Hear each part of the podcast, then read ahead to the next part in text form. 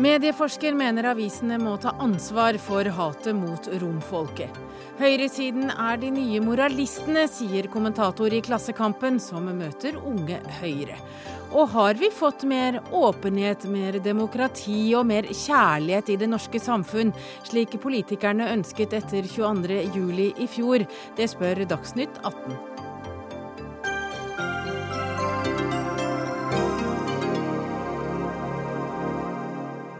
Ja, velkommen til denne fredagsutgaven av Dagsnytt 18. Jeg heter Hege Holm, og i denne sendingen skal vi også snakke om regjeringen som nå åpner for bompengefinansiert jernbane, noe Frp mener er rent landeveisrøveri. Men aller først skal vi til kinomassakren i USA. Premieren på den nyeste Batman-filmen i Colorado ble et blodbad da en 24 år gammel mann i gassmaske tok seg inn i kinosalen og begynte å skyte vilt rundt seg. Det er foreløpig meldt om tolv døde og rundt 40 skadde etter tragedien i den lille byen Aurora.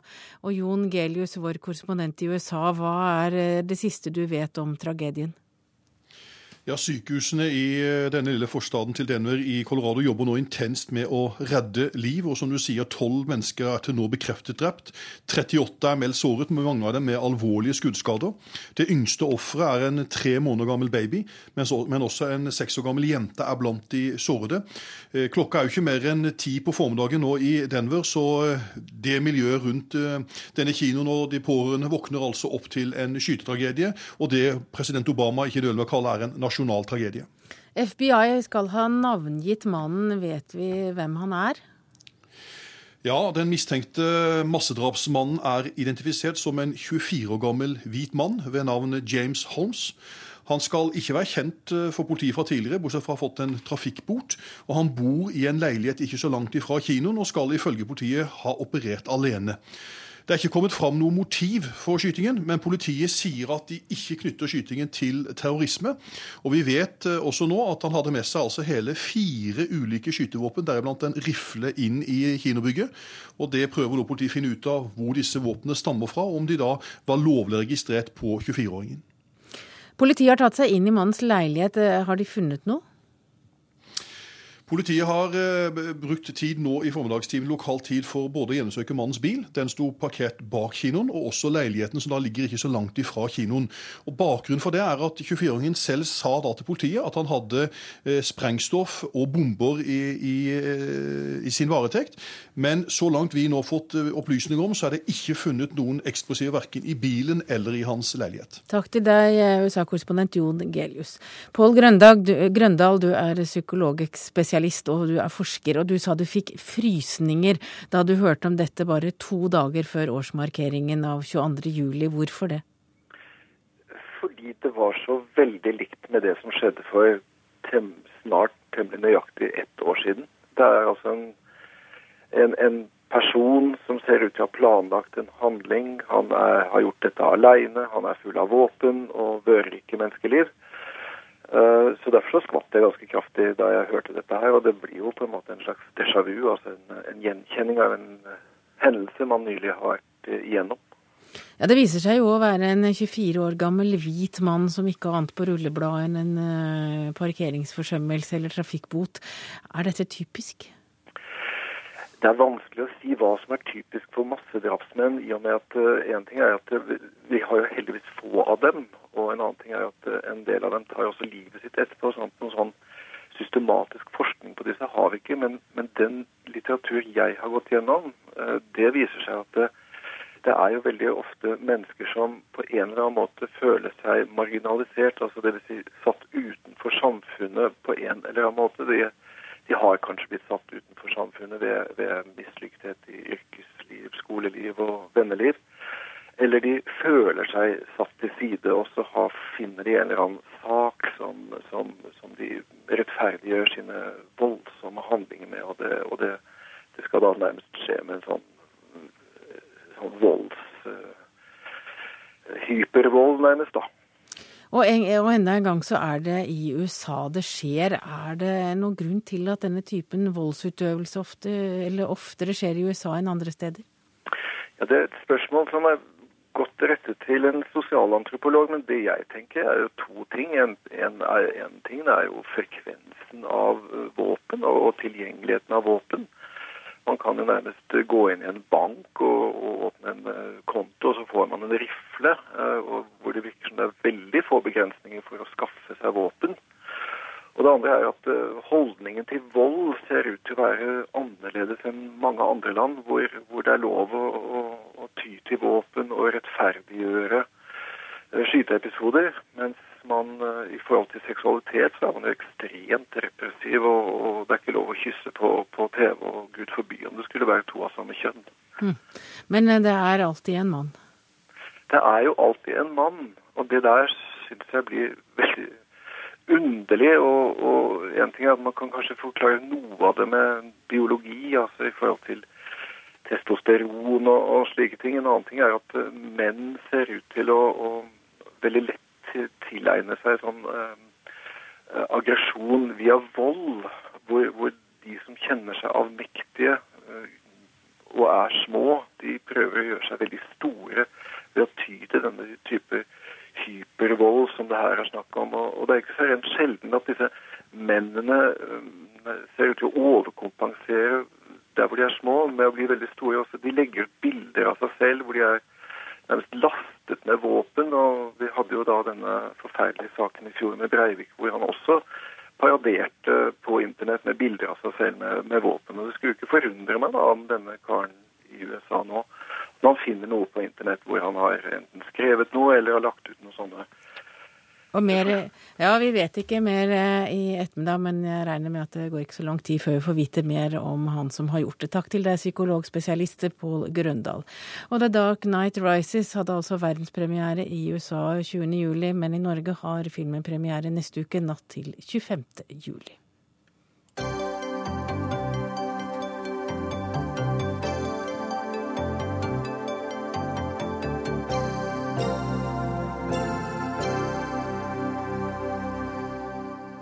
Romleiren på Årvoll skal avvikles, det ble kjent i dag. Og nå er alle enige om at eh, det var det. Men eh, hva sier de som bor i leiren? Reporter Thea Næss Rabe, du er i grustaket på Årvoll. Hva skjer? Her skjer det ikke stort, for utflytting av leiren har ikke startet ennå. Eh, Vanessa Kvintavalle har vært inne i leirene hele dag. Men vi har ikke fått snakket med, med, romfolket, fordi de har nektet å uttale seg til media. De er ganske hissige, og det er ganske amper stemning der inne. Eh, så det er altså ingen tegn enda på at eh, leiren avvikles. Men innen tirsdag så, så, er det snakk om at de skal ut, og du har snakket med leder for bydelsutvalget, Steinar Arnesen. Hva sier han i dag? Steinar Arnesen og naboene her på Årvoll fikk i dag beskjed av Albert Hære, som er deleier av tomten, om at ut, utflyttingen ville starte gradvis fra og med i dag. Og innen tirsdag skal alle være ute. Og hvis ikke alle er ute innen tirsdag, så skulle, skal det tas grep. Det har da Hære sagt. Men, eh, men, Arnesen var her oppe i stad, og da så han at ingen hadde begynt å flytte ut. Og han sa at han registrerte det, men at han stolte på det Hære sier uh, om at uh, de skal være ute innen tirsdag. Og det er ikke mye naboene og han kan gjøre, bortsett fra å stole på det Hære sier om dette. Har det dukket opp noe alternativ til grustaket på Årvoll? Nei, det er ikke det som er, Og det er det som folk her sier, at de er de syns jo det er, det er, romfolket som er taperne av hele denne situasjonen her, for de har ingen steder å dra. Mange snakker om uh, Sognsvann istedenfor å dra tilbake til, uh, ned til sentrum, uh, for der er det jo mange som er allerede. Takk til deg, reporter Thea Nes Rabo. Vi skal ikke slippe diskusjonen om romfolket, for eh, nå har vi nettopp altså hørt at romleiren skal avvikles. Og i en kronikk på nettforumet til Dagbladet i går skrev du, Jobeke Karlsen, at mediene har ansvar for hatet mot romfolket. Hvordan kan du si det? Jo, fordi at det påhviler alltid pressen og redaksjonene et selvstendig ansvar for å vurdere virkningene av de nyhetene de set, uh, sender ut. Hva slags eksempler har du på det? Jo, det det er veldig mange eksempler. Jeg har sittet og gjennomgått svært mange artikler fra de siste to ukene. Og det er jo liksom omfanget er voldsomt. Eh, Retriever eller A-tekst viser jo at det er 1500 eh, nyhetsoppslag bare på denne korte tiden, i motsetning til kanskje 30 hver, hver uke tidligere. Og går du inn på Google, så er det helt enormt hva du finner av, av medieoppslag. Men er det mengden, eller er det det som står i oppslagene? Det er også det som står. Jeg reagerer på tendens, vinkling, bruk av kilder. Og for å ta et par eksempler, da, så En gjenganger var, i forrige uke var 'bakemenn styrer romfolket'. Det var med utgangspunkt i fungerende biskop Olav Dag Hauge som hadde sagt noe slikt. Men det var jo ikke det han mente. Han mente ikke det som folk flest oppfatter med dette, at de bekrefter at det er kriminelle nettverk som står bak, at tiggerne inngår i kriminelle eh, nettverk osv. Han mente faktisk folk er folk, som hadde hjulpet til å organisere dem. Men dette inngår likevel i det hele grunnlaget for denne voldsomme oppblomstringen av hat og sterke følelser. Men er det hat? Det er jo veldig vanskelig å si. Men jeg satt i en nettdebatt i går etter den kronikken på Dagbladet. Og da fikk vi altså inn 550 innlegg. Og jeg vil anslå at godt over halvparten av dem hadde, var enten rent rasistiske eller hadde rasistiske undertoner. Så det er klart at her er det noen strømninger. Hvor representative de er, det kan man diskutere. Jeg tror ikke de er så veldig representative. Men det er en gjeng som sitter og kaster seg på og får frie kanaler. Og Det verste med det er at de forsøpler disse kanalene, slik at vanlige folk med vanlige sunne holdninger rett og slett eh, vegrer seg for å gå inn og delta i de debattene. Jeg syns selv det var ganske selsomt å sitte der. Og fordi at det er jo også eh, anonyme debatter i Dagbladet, i motsetning til VG f.eks., hvor de faktisk må bruke fullt navn. Og da tenker du på nettdebattene. nettdebattene. Og du er, jo med, du er jo medieforsker, Bekkarsen, Beck-Karlsen, så du kan jo bare se på hva mediene gjør. Men Hannes Kartveit, du er mer ansvarlig enn som så, for du er politisk redaktør i VG. Og og når du hører Beck-Karlsen eh, si det han gjør etter å ha gått gjennom mange oppslag, eh, hva vil du si til ditt forsvar? For det første er det jo klassisk at medieforskere i Norge de teller og teller, og det er i grunnen det de er mest opptatt av. Eh, og så er jeg fascinert over hvordan han mener at det er pressen og det at folk kommer til orde som gjør at hatet blomstrer. I går hadde vi en fotballkamp i Albania, som er et tidligere veldig lukket land, hvor det aldri har vært pressefrihet. Hvor altså de rasistiske holdningene bare strømmet i tribunen. Du har Ungarn, hvor, eh, hvor eh, romfolk blir jaget. Du har eh, tidligere østblokkland, hvor det virkelig har sydet under overflaten, hvor det har vært stengt. Så denne troen på at det er budbringeren som skaper hatet, det kan man kanskje vente av folk som ikke kan bedre, men at en medieforsker mener det, syns jeg er veldig veldig underlig. Når det gjelder vår dekning, så gjør vi i denne saken som i alle andre saker, prøver å ha mest mulig bredde. Eh, flest mulig type kilder. Vi har både problematisert eh, leiren på Årvoll, intervjuet naboer der. Vi har intervjuet en romkvinne som eh, tigger og forteller om sine fire barn hjemme i Romania som hun forsørger. At hun, sier jeg ville aldri vært her hvis ikke jeg hadde måttet. Vi har prøvd å, menneskeliggjøre og plukke ut individene og på en måte vise fram at dette er komplisert og sammensatt. At han Eh, Skartveit sier at uh, medieforskere bare teller, det tyder jo på at han har ikke lest mye medieforskning i det siste. Ja, det den går i en helt annen uh, retning. Den my er mye mer kvalitativt orientert, og vi prøver å se hva er dette uttrykk for. Hva er det som sies her? Vi gjør helt andre typer analyser enn å telle. Og det, det er i hvert fall ikke den type medieforsker jeg er. Jeg forsøker å forstå hva er dette uttrykk for.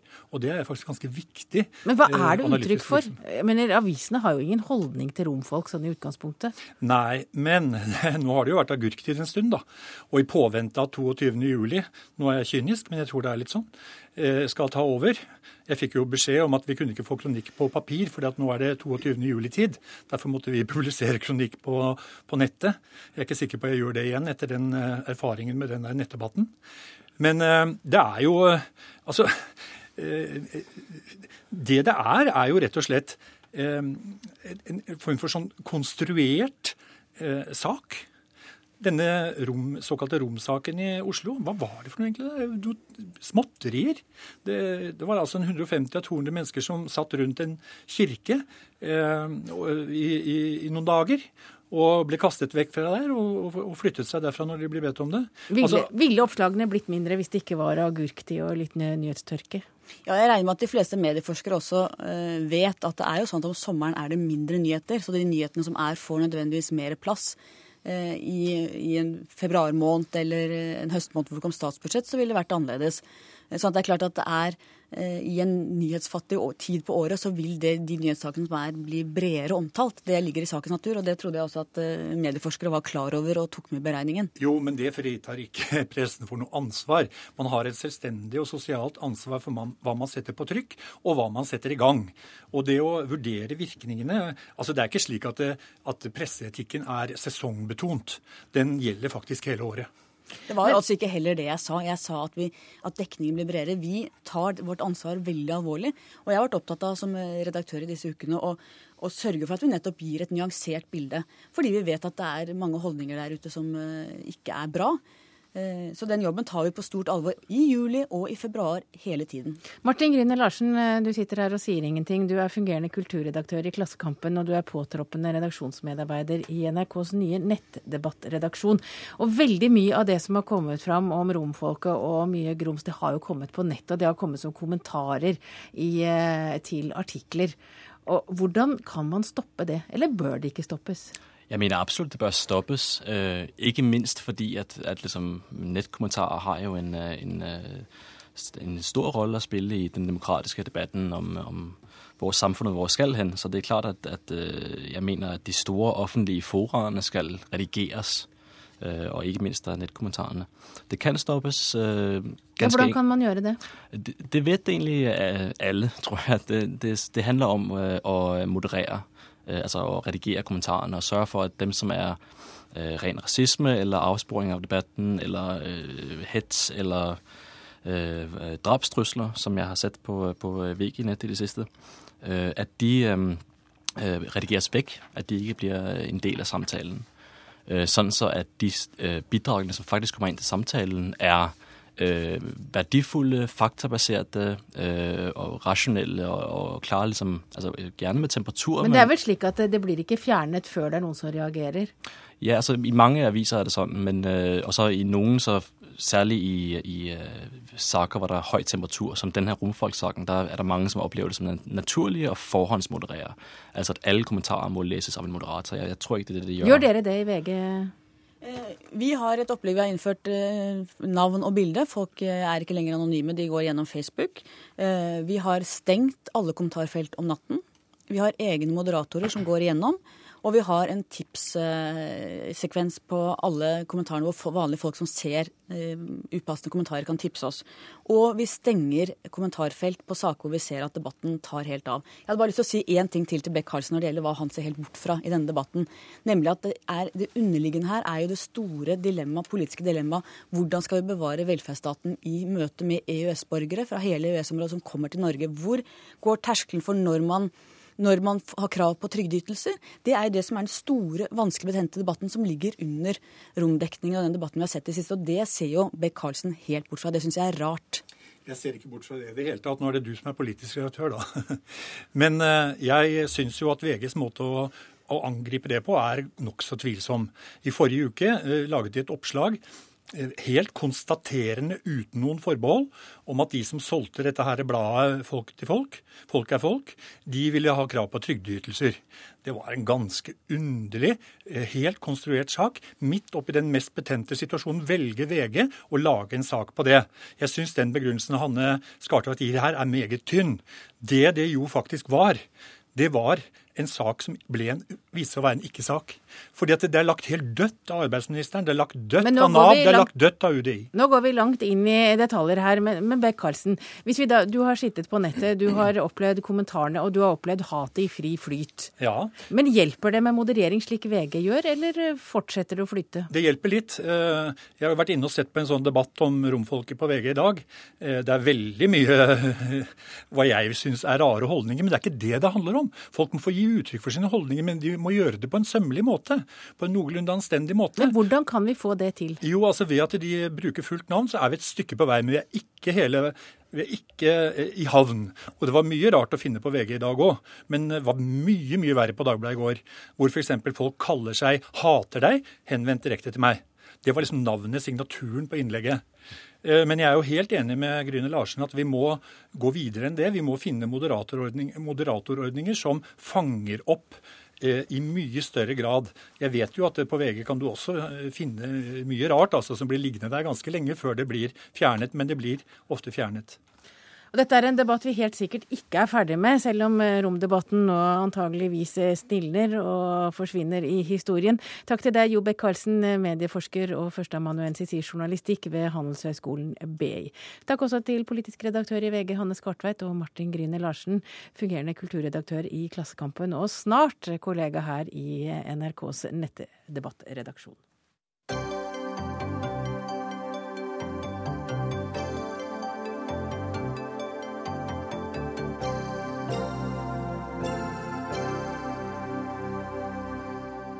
Da tar jeg ikke helt feil, så var det noen som fikk kaffen i vrangstrupen i dag morges når de hørte forslaget fra Samferdselsdepartementet om å betale for utbygging av jernbanenettet gjennom bompenger. Det er bare et forslag, og det er et notat som departementet har sendt til Vegdirektoratet. Og en av de som reagerte og kalte det for eh, landeveisrøveri, det var Ketil Solvik-Olsen, parlamentarisk nestleder og finanspolitisk talsmann i Frp. Og eh, det var nå veldig, da. Landeveisrøveri. Jo, fordi at en setter opp bommer her som folk må gjennom for å komme fra A til B. Og det er jo bevisst fordi at de vet at folk som regel må dit de planlegger å kjøre, og da lopper en de for penger på veien.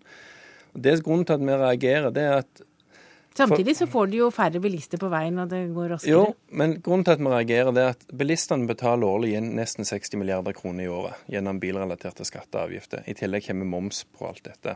Så det er et betydelig beløp.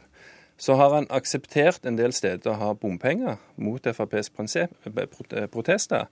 Men da har han hele veien unnskyldt det med at jo, men du betaler jo konkret for veien. Nå forsøker han å utvide dette prinsippet med å si at du òg skal betale for andre ting.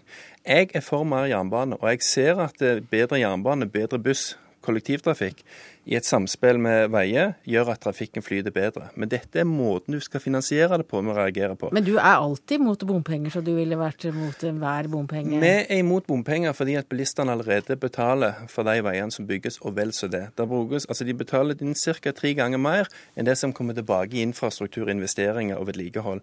Og det er det som er problemet. Bilistene sine utgifter Men Du syns de betaler nok. Nå skal vi høre han som kan svare på hvorfor dette har dukket opp i dag. Erik Landstein, du er statssekretær i Samferdselsdepartementet. og eh, Hvorfor åpner dere for at bilister skal finansiere tog? Ja, det vi nå har gjort, er at vi har bedt Vegdirektoratet og Jernbaneverket eh, gjøre noen vurderinger faglig og eh, ikke minst prinsipielt av dette spørsmålet. Og Det betyr at dere har jo tenkt tanken? Det, det, det gjør det.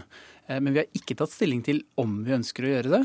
Men vi ønsker å ha et godt beslutningsgrunnlag, sånn at vi kan ta stilling til om vi vil åpne for det dersom eh, lokale myndigheter ønsker å ta i bruk dette virkemidlet.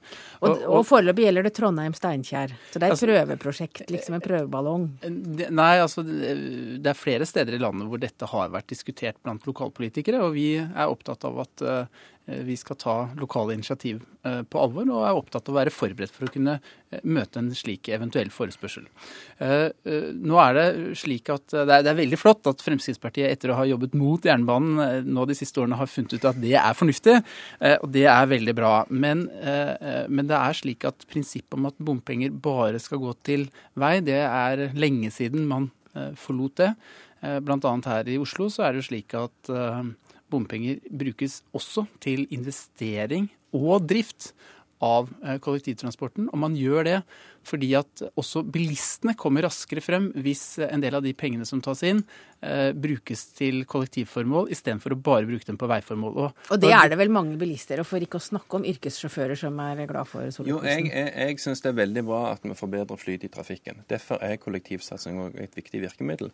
Og Derfor har Fremskrittspartiet f.eks. For foreslått i Stortinget at arbeidsgivere som betaler kollektivkort til sine ansatte, skal kunne gjøre det uten at staten skal ta skatt av det. Da har faktisk regjeringen regnet ut at det vil gi 175 000 flere bilister på jernbane eh, og buss.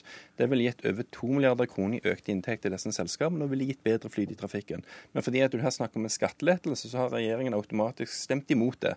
Selv om alle partiene var for det i valgkampen 2009. Men det er altså, det er ikke argumentering mot jernbane vi eh, gjør fra Frp. Men det er mot det er, bompenger? Det er, ja, fordi det er måten du finansierer det på. Når du allerede har betalt for det produktet tre ganger over, over skatteseddelen, så er det feil at du i tillegg skal betale det gjennom eh, bompengesystemet. Vi har altså en, en, stat som går med nesten 400 milliarder kroner i overskudd i år pga. økte oljepriser, eh, høyere enn det en trodde i fjor høst. For, eh, og Da mener du oljepengene bør finansiere jernbaneutbygging og ikke bompenger? Når det er samfunnsøkonomisk lønnsomme prosjekt, så bør det det. For, fordi at i dag så sparer vi deler av dette overskuddet i Tyskland til 1,8% rente. Når du bygger veier i Norge som er bompengefinansiert, så låner de veiprosjektene penger i utlandet og betaler 2,5-3,5 opptil 5,5 rente for å låne penger tilbake igjen til Norge. Og Landstein, jeg er redd for at mange er kanskje enig med Solvik-Olsen at eh, med slike oljeinntekter Norge har, så burde man ha råd til eh, jernbanesatsing, uten at en må begynne å ta inn flere penger av bilistene? Ja, altså Det som har skjedd da, etter at eh, Senterpartiet og de rød-grønne partiene kom i regjering, er jo at man har gått fra å prate om samferdsel til virkelig å satse på vei og på jernbane. Og det er helt andre eh, midler som brukes i dag. Altså på, på, jernbane er det jo slik at vi har tredoblet investeringsnivået. Men det tar det lang tid? Ja, det er mye som er ugjort. Det som er litt skremmende med det Solvik-Olsen nå sier, er jo at eh, Fremskrittspartiet er klar til å bruke mer penger, men de vil ikke bruke penger på prosjekter som er samfunnsøkonomisk ulønnsomme. Det betyr at Solvik-Olsen sier nei til veiprosjekter i distriktene, og han sier også nei til eh, eh togsatsing for disse togsatsingene. De er svært samfunnsøkonomisk ulønnsomme. De er jo kun lønnsomme hvis vi har et langsiktig perspektiv, at vi ønsker å bygge samfunnet, eh, og at eh, vi er villige til å ta noen eh, store investeringer i dag. Og det har vi da faktisk gjort. Og når det gjelder Fremskrittspartiet, så har de vært for bompenger. De har stemt for bompenger i Stortinget. De har vært pådriver lokalt, og de har vært arkitekt bak historiens største bompengepakke i Oslo med Oslopakke 3, hvor mer enn 60 milliarder sendes som regning til bilistene. Og, og, og, og nei, og i den, jo, men, det, jo, men Poenget er at dere er ikke, ikke konsistente, Kjetil Solvik-Olsen. I, I, Oslo så har dere kommet til oss og foreslått å bruke bompenger til drift av kollektivtransport. Er det litt vanskelig det med bompenger? Nei, bompenger er veldig enkelt. Men Senterparti-folk som skal prøve å forvirre velgerne, gjør det veldig komplisert. Poenget er at på Stortinget så stemmer Frp alltid imot bompenger. Men fordi at mange prosjekt underfinansieres, så tvinges lokalpolitikere fra alle partier til å ofte være for bompenger. Det Fremskrittspartiet har sagt, da må vi øke samferdselsinvesteringene betydelig fra statsbudsjettet, så vi slipper å tvinge lokalpolitikerne var for bompenger. Men i Oslo Fremskrittspartiet har alltid foreslått å si nei til bompenger. Og så, når det faller, så går vi gjerne av og til med på kompromiss. Men vårt eh, standpunkt er klart. Så skal vi sette tallene i perspektiv. Og nå ja. er det et notat det er snakk om, og denne debatten er over. Takk til Erik Landstein, statssekretær i Samferdselsdepartementet, og Ketil Solvik-Olsen, parlamentarisk nestleder og finanspolitisk talsmann i Frp.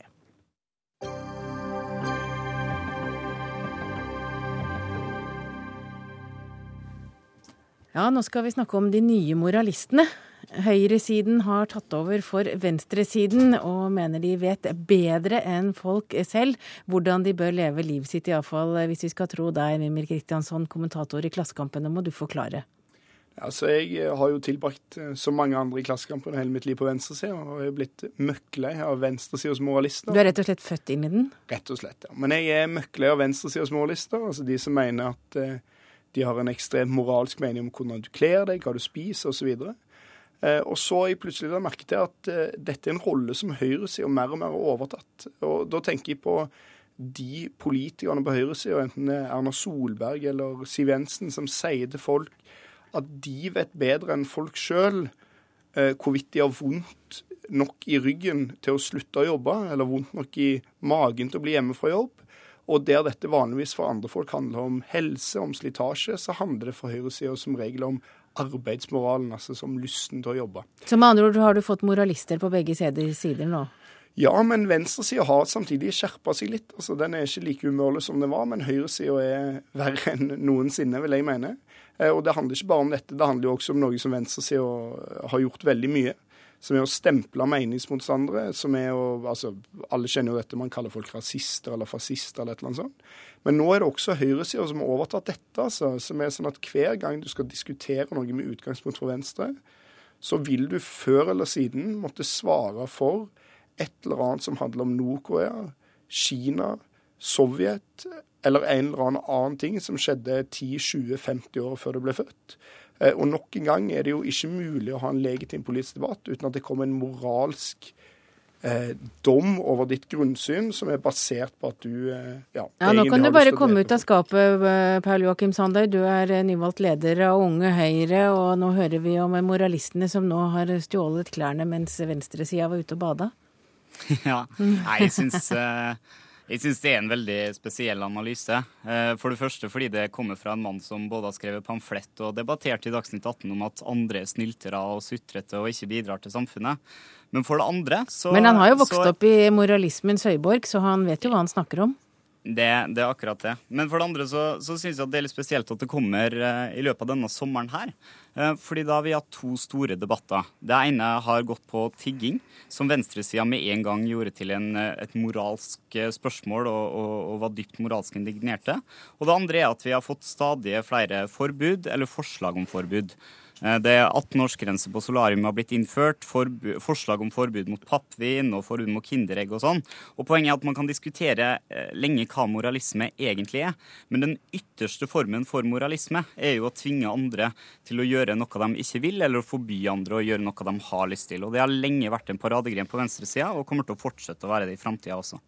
Jeg synes Det er utrolig spesielt Paul Joachim, at du nevner disse to sakene. at Hvis du kombinerer dette med forbud og tigging, så vil du oppdage at ditt eget parti har foreslått et forbud mot tigging, som venstresida er imot. sånn at Det er et veldig godt eksempel på at høyresida har tatt etter venstresida på en del av de tingene det er ikke spesielt bra å ta etter venstresida på, nemlig å fortelle andre mennesker hvordan de skal drive livet sitt. Og Så vil jeg bare også si en annen ting, og det er at jeg har inntrykk av at det er helt greit å snakke om moral i politikk. og det er for så vidt... Ja, når er det greit? Nei, mange spørsmål er moralske spørsmål. Mitt standpunkt er sexkjøpsloven er et moralsk spørsmål framfor Norge. Eh, og det religiøse spørsmålet er en rekke sånne spørsmål som er viktige. Og både meg og Paul Joakim vil jo alltid mene at vår moral er bedre enn andres moral. Og arbeidsmoral er jo òg ja, et kjent begrep, absolutt. som du angriper høyresida for å Men det er et poeng at man må komme ut av skapet og stå for det man er. og det, Man kan ikke både le av venstresida for å være moralistisk, samtidig som man sjøl er mer moralistisk enn det venstresida er.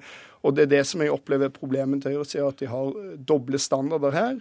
De krever en ekstrem moral av venstresida. F.eks. så opplever jeg at de første til å påpeke at jeg som venstresideperson ikke burde ha smartphone, for det er et kapitalistisk produkt. eller de første som påpeker at en miljøverner ikke burde kjøre i en bensinbil fordi det er forurensende. Det er høyresidefolk. Samtidig så kjører de enda større biler og har enda mer fancy smartphoner. Men deres egen moral det er ikke like viktig. Og Det er denne dobbeltmoralen som jeg mener er problemet. Høyresida har jo tradisjonelt vært mye mer opptatt av moralen enn. Og den høyresida ønsker jo jeg gjerne tilbake, men da må man stå ærlig for det da, og prøve å lage en egen moral som også gjelder for en sjøl. Ikke bare være moralistisk på vegne av andre. Jeg, er helt enig i at eh, man, man finner også moralisme på høyresida, og kanskje tiggerforbud er, er, et eksempel på det, der man har, har trådt feil. Men men der, det som var greia i tiggedebatten, var jo et veldig sånn praktisk spørsmål om hva man skal gjøre når 200 mennesker slår ned en leir på et offentlig sted. Blei gjort en sånn moralsk uh, spørsmål om uh, og, og rasismeanklagene kom osv. Men bare for å ta det der første du sa med å kjefte, på, kjefte folk på arbeid og litt sånne ting. Jeg mener, jeg mener, jo ikke at det er moralisme å si at det er bra at flest mulig går på skole eller går på jobb, og, og så utvikle politikk for det. Det er det ene. Men det andre er jo at det er en ganske substansiell forskjell på å stille krav til mennesker som mottar offentlige ytelser, og, og skattefinansierte ytelser, og, så, og på å gå inn i folks privatliv og si at du får ikke lov til å gjøre det, og du får ikke lov til å gjøre det. Så er det mulig at noe av det Mimir Kristiansson Kristjansson tar til orde for nå, det er en mer liberal sosialisme, en mer eh, tolerant sosialisme som er mindre moralistisk. Men det er mange på høyresida som har det med å gå løs på venstresida fordi de mener at eh, venstresida bryter med sine tidligere moralske prinsipper? Ja, det er et men, debattgrep som ofte kommer eh, hit i Dagsnytt 18, blant annet. Ja, Hvis du sikter litt sånn uh, Nord-Korea-sammenligninger og sovjetstat og sånn, så, så, er jeg jo veldig enig i at det er dumt dersom det skjer. Og jeg mener jo at det ikke skjer så mye som Mimir påstår i Klassekampen, men, men, det er veldig viktig å få fram at et forbud mot pappvin det gjør ikke at vi blir Nord-Korea. Men hvor ofte bruker men, du skremmebilder i debatter fra, med venstresida da, Sanner? Jeg, jeg, gjør det aldri. Jeg gjør det når, eh, når Jo, men det, det, er litt av poenget, da. At hvis det er små ting som pappvinforbud, så, så er det dumt å, å, dra det for langt og ut av proporsjon.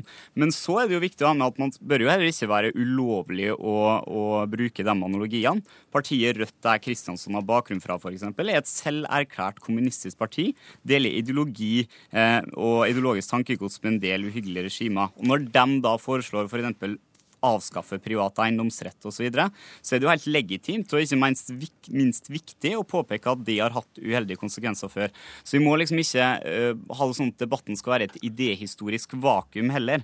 Uh, dette er ikke moralisme, fordi man gjerne må mene det, men det må være lov å påpeke at det, det er grunnleggende dårlige ideer. Og jeg tror den neste debatten må være hva er egentlig moralisme? Takk til Mimmi Kristiansson, journalist i Klassekampen, og Paul Joakim Sanne, leder i Unge Høyre.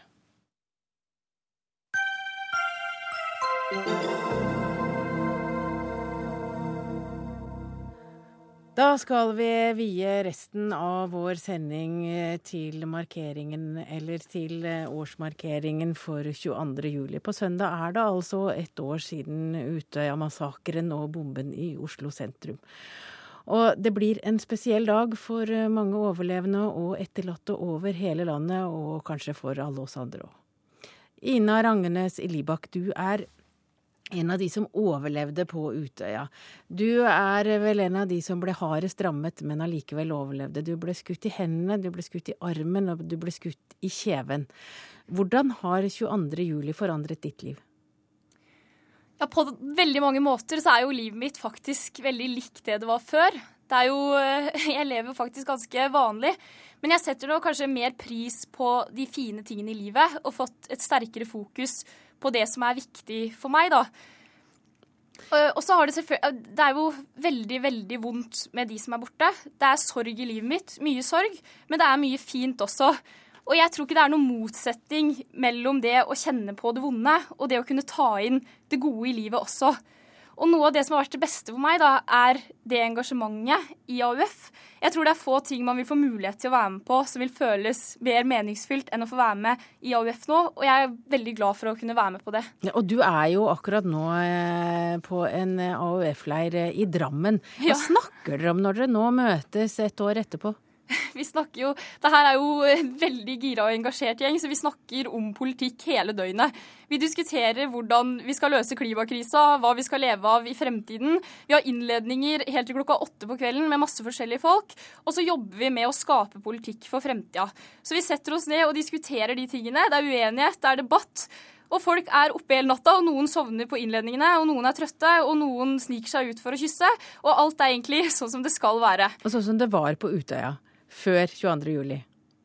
Men du, eh, Ina, du rørte rettssal 250 da du vitnet. Du, du, klarte til og med å få rettssalen til å smile og le ennå du fortalte din historie. Hvordan opplevde du å stå der? Jeg skulle vitne, og det føltes egentlig helt greit. Jeg visste det ganske lenge i forveien. Så det jeg kunne bidra med, var rett og slett å fortelle min historie. Det var, den, det var det den var, og det var det jeg kunne gi til den prosessen. Så, så det føltes helt greit. Hva tenker du om framtida? Du er jo et politisk engasjert menneske, og du er ei ung jente. Ja, jeg ser jo mye fint i fremtiden. Jeg gleder meg til mye. Jeg gleder meg til å studere til høsten igjen. Jeg gleder meg til å spise jordbær i Frognerparken i det som er igjen av sommeren. Og så tror jeg det er viktig at vi fortsetter å ta vare på hverandre, fordi det kommer til å komme ting som er vondt fremover. Eh, vi må fortsette å minnes de som er borte. Det er viktig å gjøre. Men det skal også være rom for å ta inn det gode.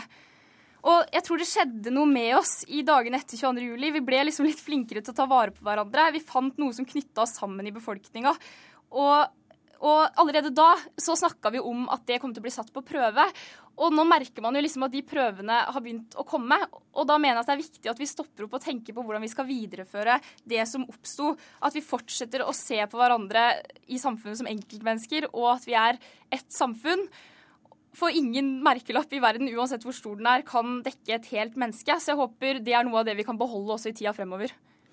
Trond Blattmann, du er leder for støttegruppen etter 22.07. Hvordan blir ettårsmarkeringen for eh, overlevende og berørte?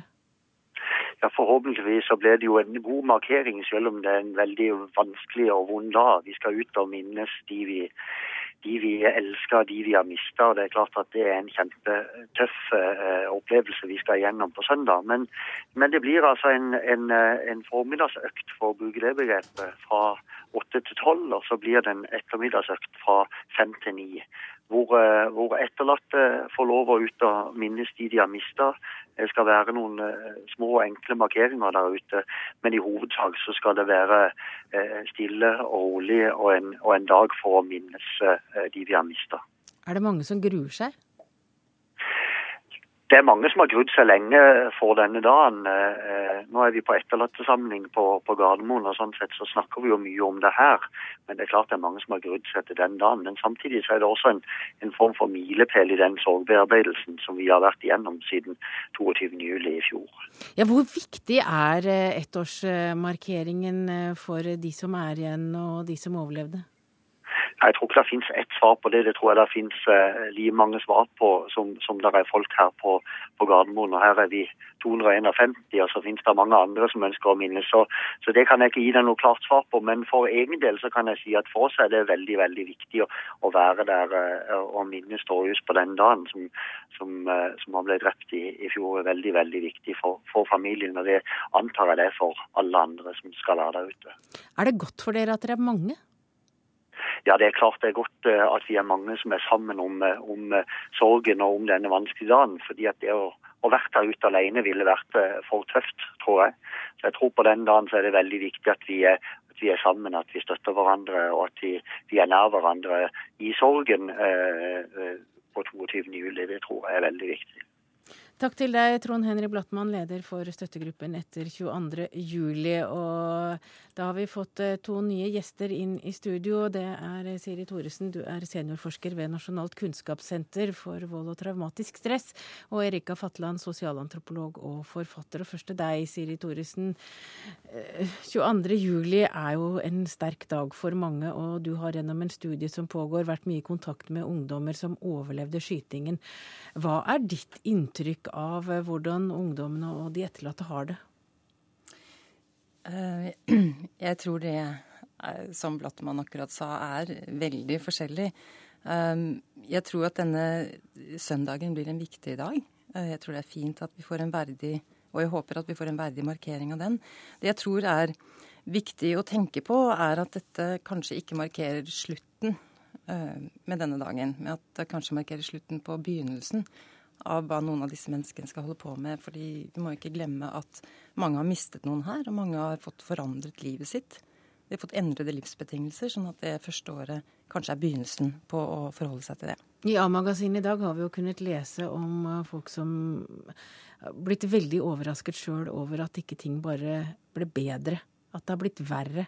At det som i begynnelsen virket som nå er det over og alt har løst seg og jeg klarer meg bra, har blitt det jeg klarer meg ikke, jeg sover ikke, Jeg sliter. Er det mange som sliter?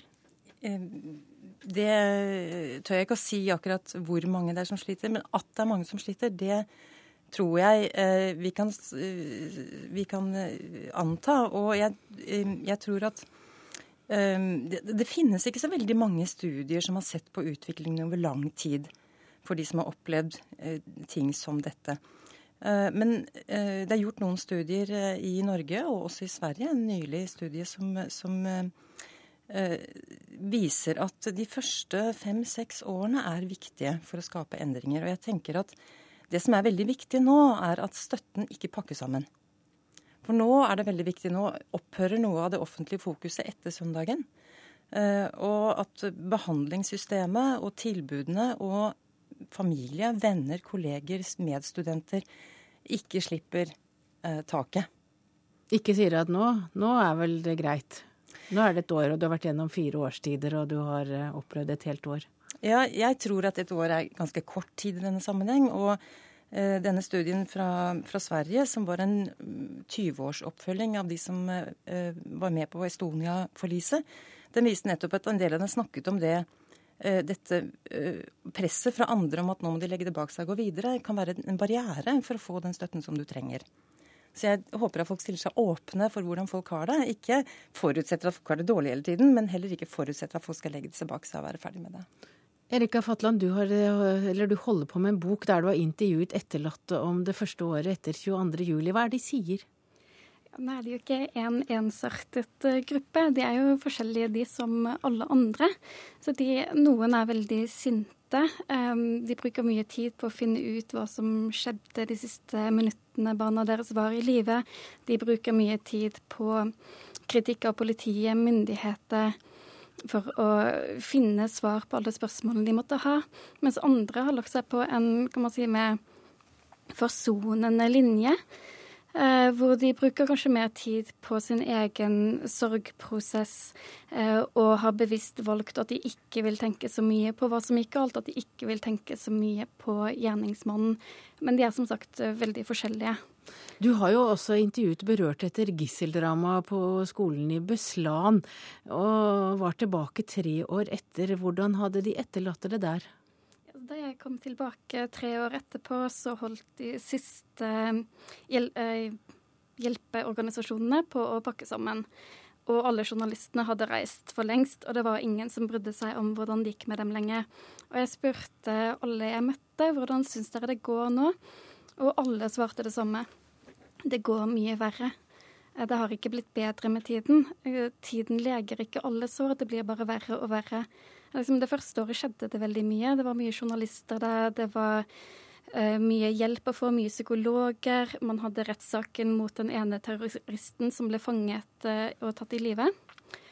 Uh, og så ble det stille.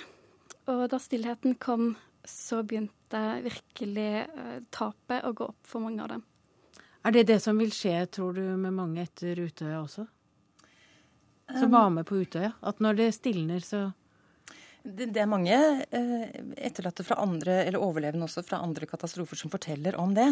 Eh, at, eh, at, når stillheten kommer, så blir det vanskeligere. Så jeg, jeg håper jo at, eh, at, Men er ikke stillheten noe man trenger også for å få tid til å tenke på hva en virkelig har vært med på? Eh, jo, det kan godt hende, men ikke stillheten i form av fravær av støtte.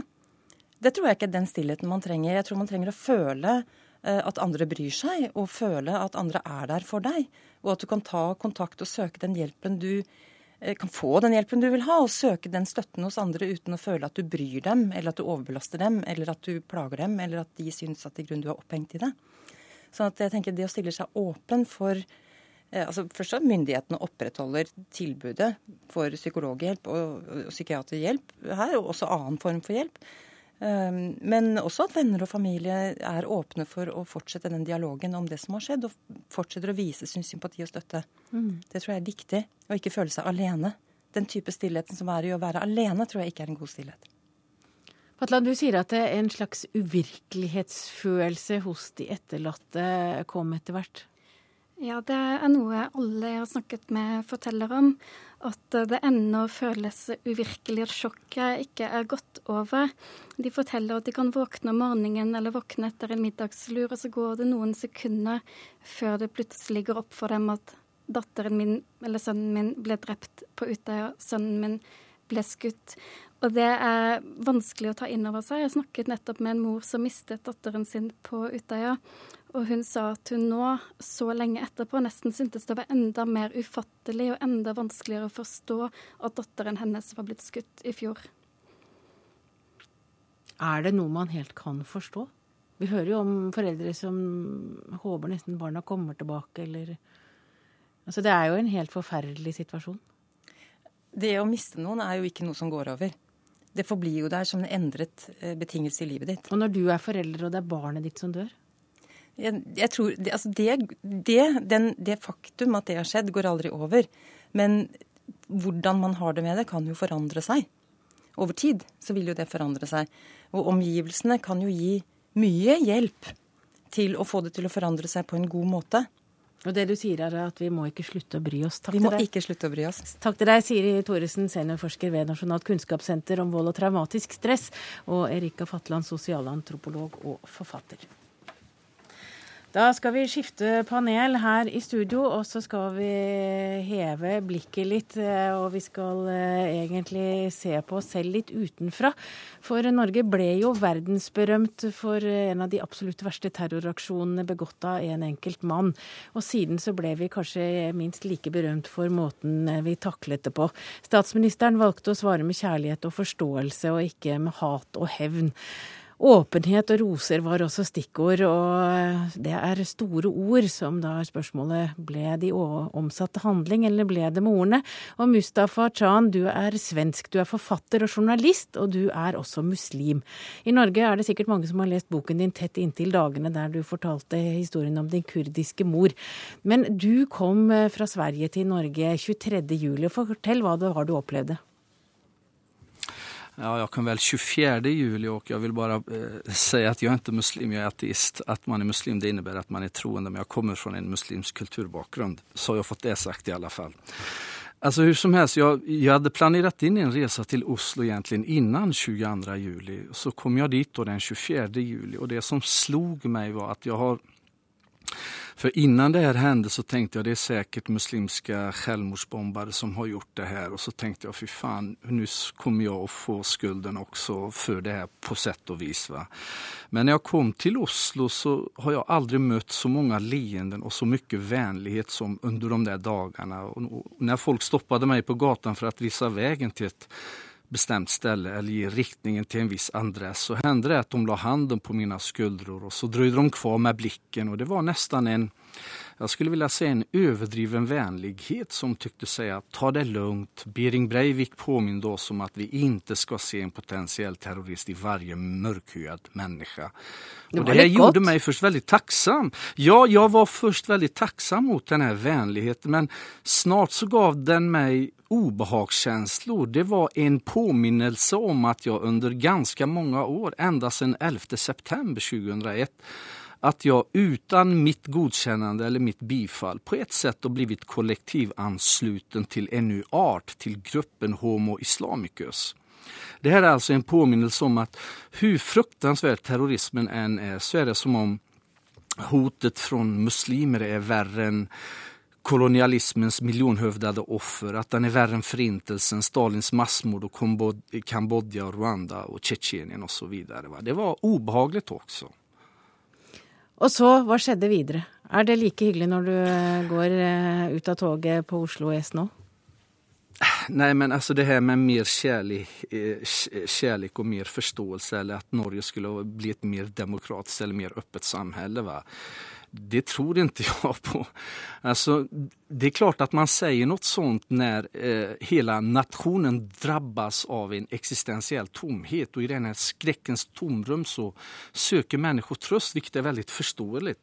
Men, men på vilket sätt skulle Norge liksom ha blivit öppnare och mer demokratiskt? Jag tänker på Orden öppen och mer demokratisk skulle innebära att det blir ett mer människovärdigare samhälle. Men på vilket sätt har Norge blivit människovärdigare eh, innan, alltså efter den 22 juli, än vad det var innan? Jag tänker till exempel på romfolket som förföljs på gatorna. Jag tänker på tältläger med palestinier eh, i världens rikaste land som liksom eh, kommer fra et område som vi alle kjenner til, brinner og så får de ikke ens oppholdstilstand. Er det det som er et mer åpent og demokratisk samfunn? Ja, Eskil Pedersen, du Jag bara du er AUF-leder, og vi imponerte jo verden med reaksjonen etter 22. juli. Men eh, ble det litt sånn at dette var det? For det første så eh, må vi jo eh, huske på at vi ikke i utgangspunktet ønsker at Norge skal endre seg så voldsomt mye etter det grufulle vi opplevde i fjor sommer. Eh, vi ønsker ikke at, eh, at, terroren skal få lov til å sette premissene for hvordan landet vårt skal være. Jeg har ikke lyst til å være bastant i denne diskusjonen. Jeg mener Det er for tidlig å være bastant. Det har gått ett år. Det er altfor tidlig å trekke veldig tydelige konklusjoner i den ene eller den andre retningen. Men jeg velger å være optimistisk, og jeg velger å tro at vi i hvert fall på noen områder har forandret oss. Og da kan vi i hvert fall eh, vise til noen ting som vi kan bevise at har eh, forandret seg, og etter min mening til det bedre.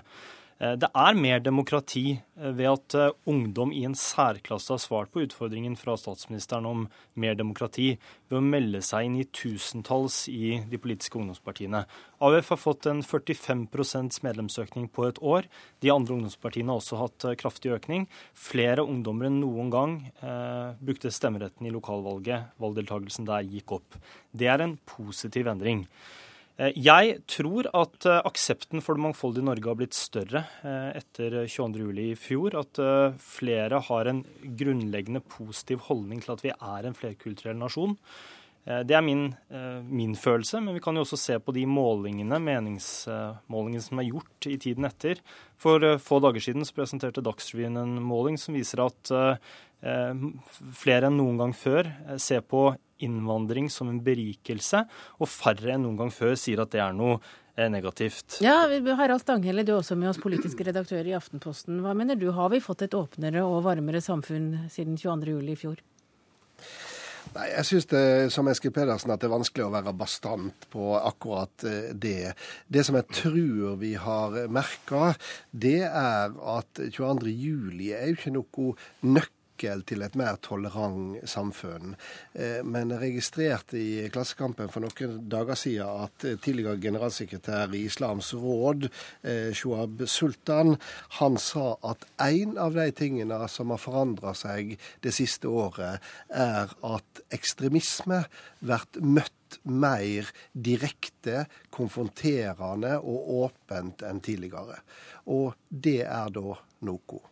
Og hvis vi hadde reagert på en annen måte, hvis vi hadde reagert med å avsky, eh, hevntanker, eh, ville samfunnet vært annerledes i dag da? Ja, det tror jeg.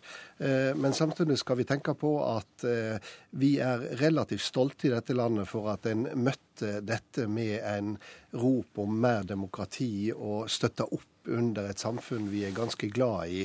Men strengt tatt, hvis vi skal være ærlige, vi hadde ikke så mye å rette hevn mot. Vi hadde ikke noe eh, Vi hadde ikke noe islamistisk bevegelse i eh, fjellhull i Afghanistan. Vi hadde ikke eh, en bakgårdsmoské eller en organisasjon å rette hevn og hat mot. Det nærmeste vi kom, det var en falleferdig gård på Rena, og det er strengt tatt ikke noe mål i seg sjøl. Men la meg legge til én ting. Vi nordmenn er ganske glad i normaliteten. Men så har vi også mye normalitet å være glad i. Og Derfor så kan du si at en av de største sigrene etter 22. juli-tragedien er nettopp at vi greide å gå videre som det samfunn vi har, med dets feil, dets mangler, men også dets sterke sider. Vi er glad i normalitet, vi i Norge, Chan. Men du er skuffa, du ja, ville noe mer? Nej, Nej, men, nej, nej, nej, alls inte. Jag, jag håller helt och hållet med Harald. Jag bara tänker på hur man nästan slår en politisk mynt från vissa håll att det skulle vara ett mer öppet eller mer demokratiskt samhälle. Jag förväntade mig inte det, för jag vet att när människor var som mest skräckslagna efter 22 juli så tänkte de nu måste väl saker och ting ändra sig. Saker och ting ändrar sig inte. Och jag tycker det är okej. Okay. Norge är ett schysst samhälle. Alltså min poäng är inte att, att Norge har blivit ett sämre samhälle. Norge är ett ganska gott samhälle som det är, men att det skulle ha blivit så himla mycket bättre och att jag skulle kräva orörda förändringar eller att man skulle förvänta sig det. Det är det jag vänder mig emot med mer kärlek och mer öppenhet och mer demokrati. Det är ganska konstant. Det enda som skiljer sig är att oerhört sorgligt kapitel har lagts till i den kollektiva norska berättelsen. Det är, er, det, er det litt vanskelig å være politiker, Eskil Pedersen? Det er mange forventninger? Det er det, og man må være den forandringen man selv ønsker at man skal se. Eh, vi kunne vært et annet samfunn i dag. Eh, mange andre land som har opplevd terrorangrep, har eh, raskt endra lovgivninga, utvida fullmaktene til Etterretningstjenesten. Det har vi ikke gjort i Norge. Ungdom kunne valgt annerledes. De kunne blitt skremt fra å drive med politikk. Det gjorde de ikke. Men jeg har lyst til å si at jeg kom nettopp fra moské, en moské i Oslo og har møtt bl.a. ungdommer som har muslimsk bakgrunn. Eh, og de forteller jo om litt av det motsatte av det eh, vi hører eh, her fra Sverige. Fordi at de forteller om at mange flere enn tidligere er istedenfor å være nysgjerrige på en negativ måte, nysgjerrige på en positiv måte til hva deres kultur og deres religion innebærer. Det er også sånn at uh, veldig mange ungdommer, både med flerkulturell bakgrunn og etnisk norsk bakgrunn, forteller meg at de er mer stolt av å være norske enn tidligere. Eh, debatten om romfolket mener jeg også er et eksempel på at vi har forandret oss til det bedre. Det er naivt å tro at vi kan bli et samfunn fritt for rasisme, fritt for fremmedfiendtlighet. Det er det ingen samfunn som noen gang kan bli. Men vi kan gjøre det vi kan for å eh, komme oss nærmest mulig dit. Og nå har vi altså opplevd at eh, flere enn noen gang før har tatt til motmæle på de sosiale mediene Og det viser at man har en annen bevissthet. Så det er lett å si at ingenting har endra seg, men da må man gjøre noe med det selv. Da, da må man være den forandringen man ønsker.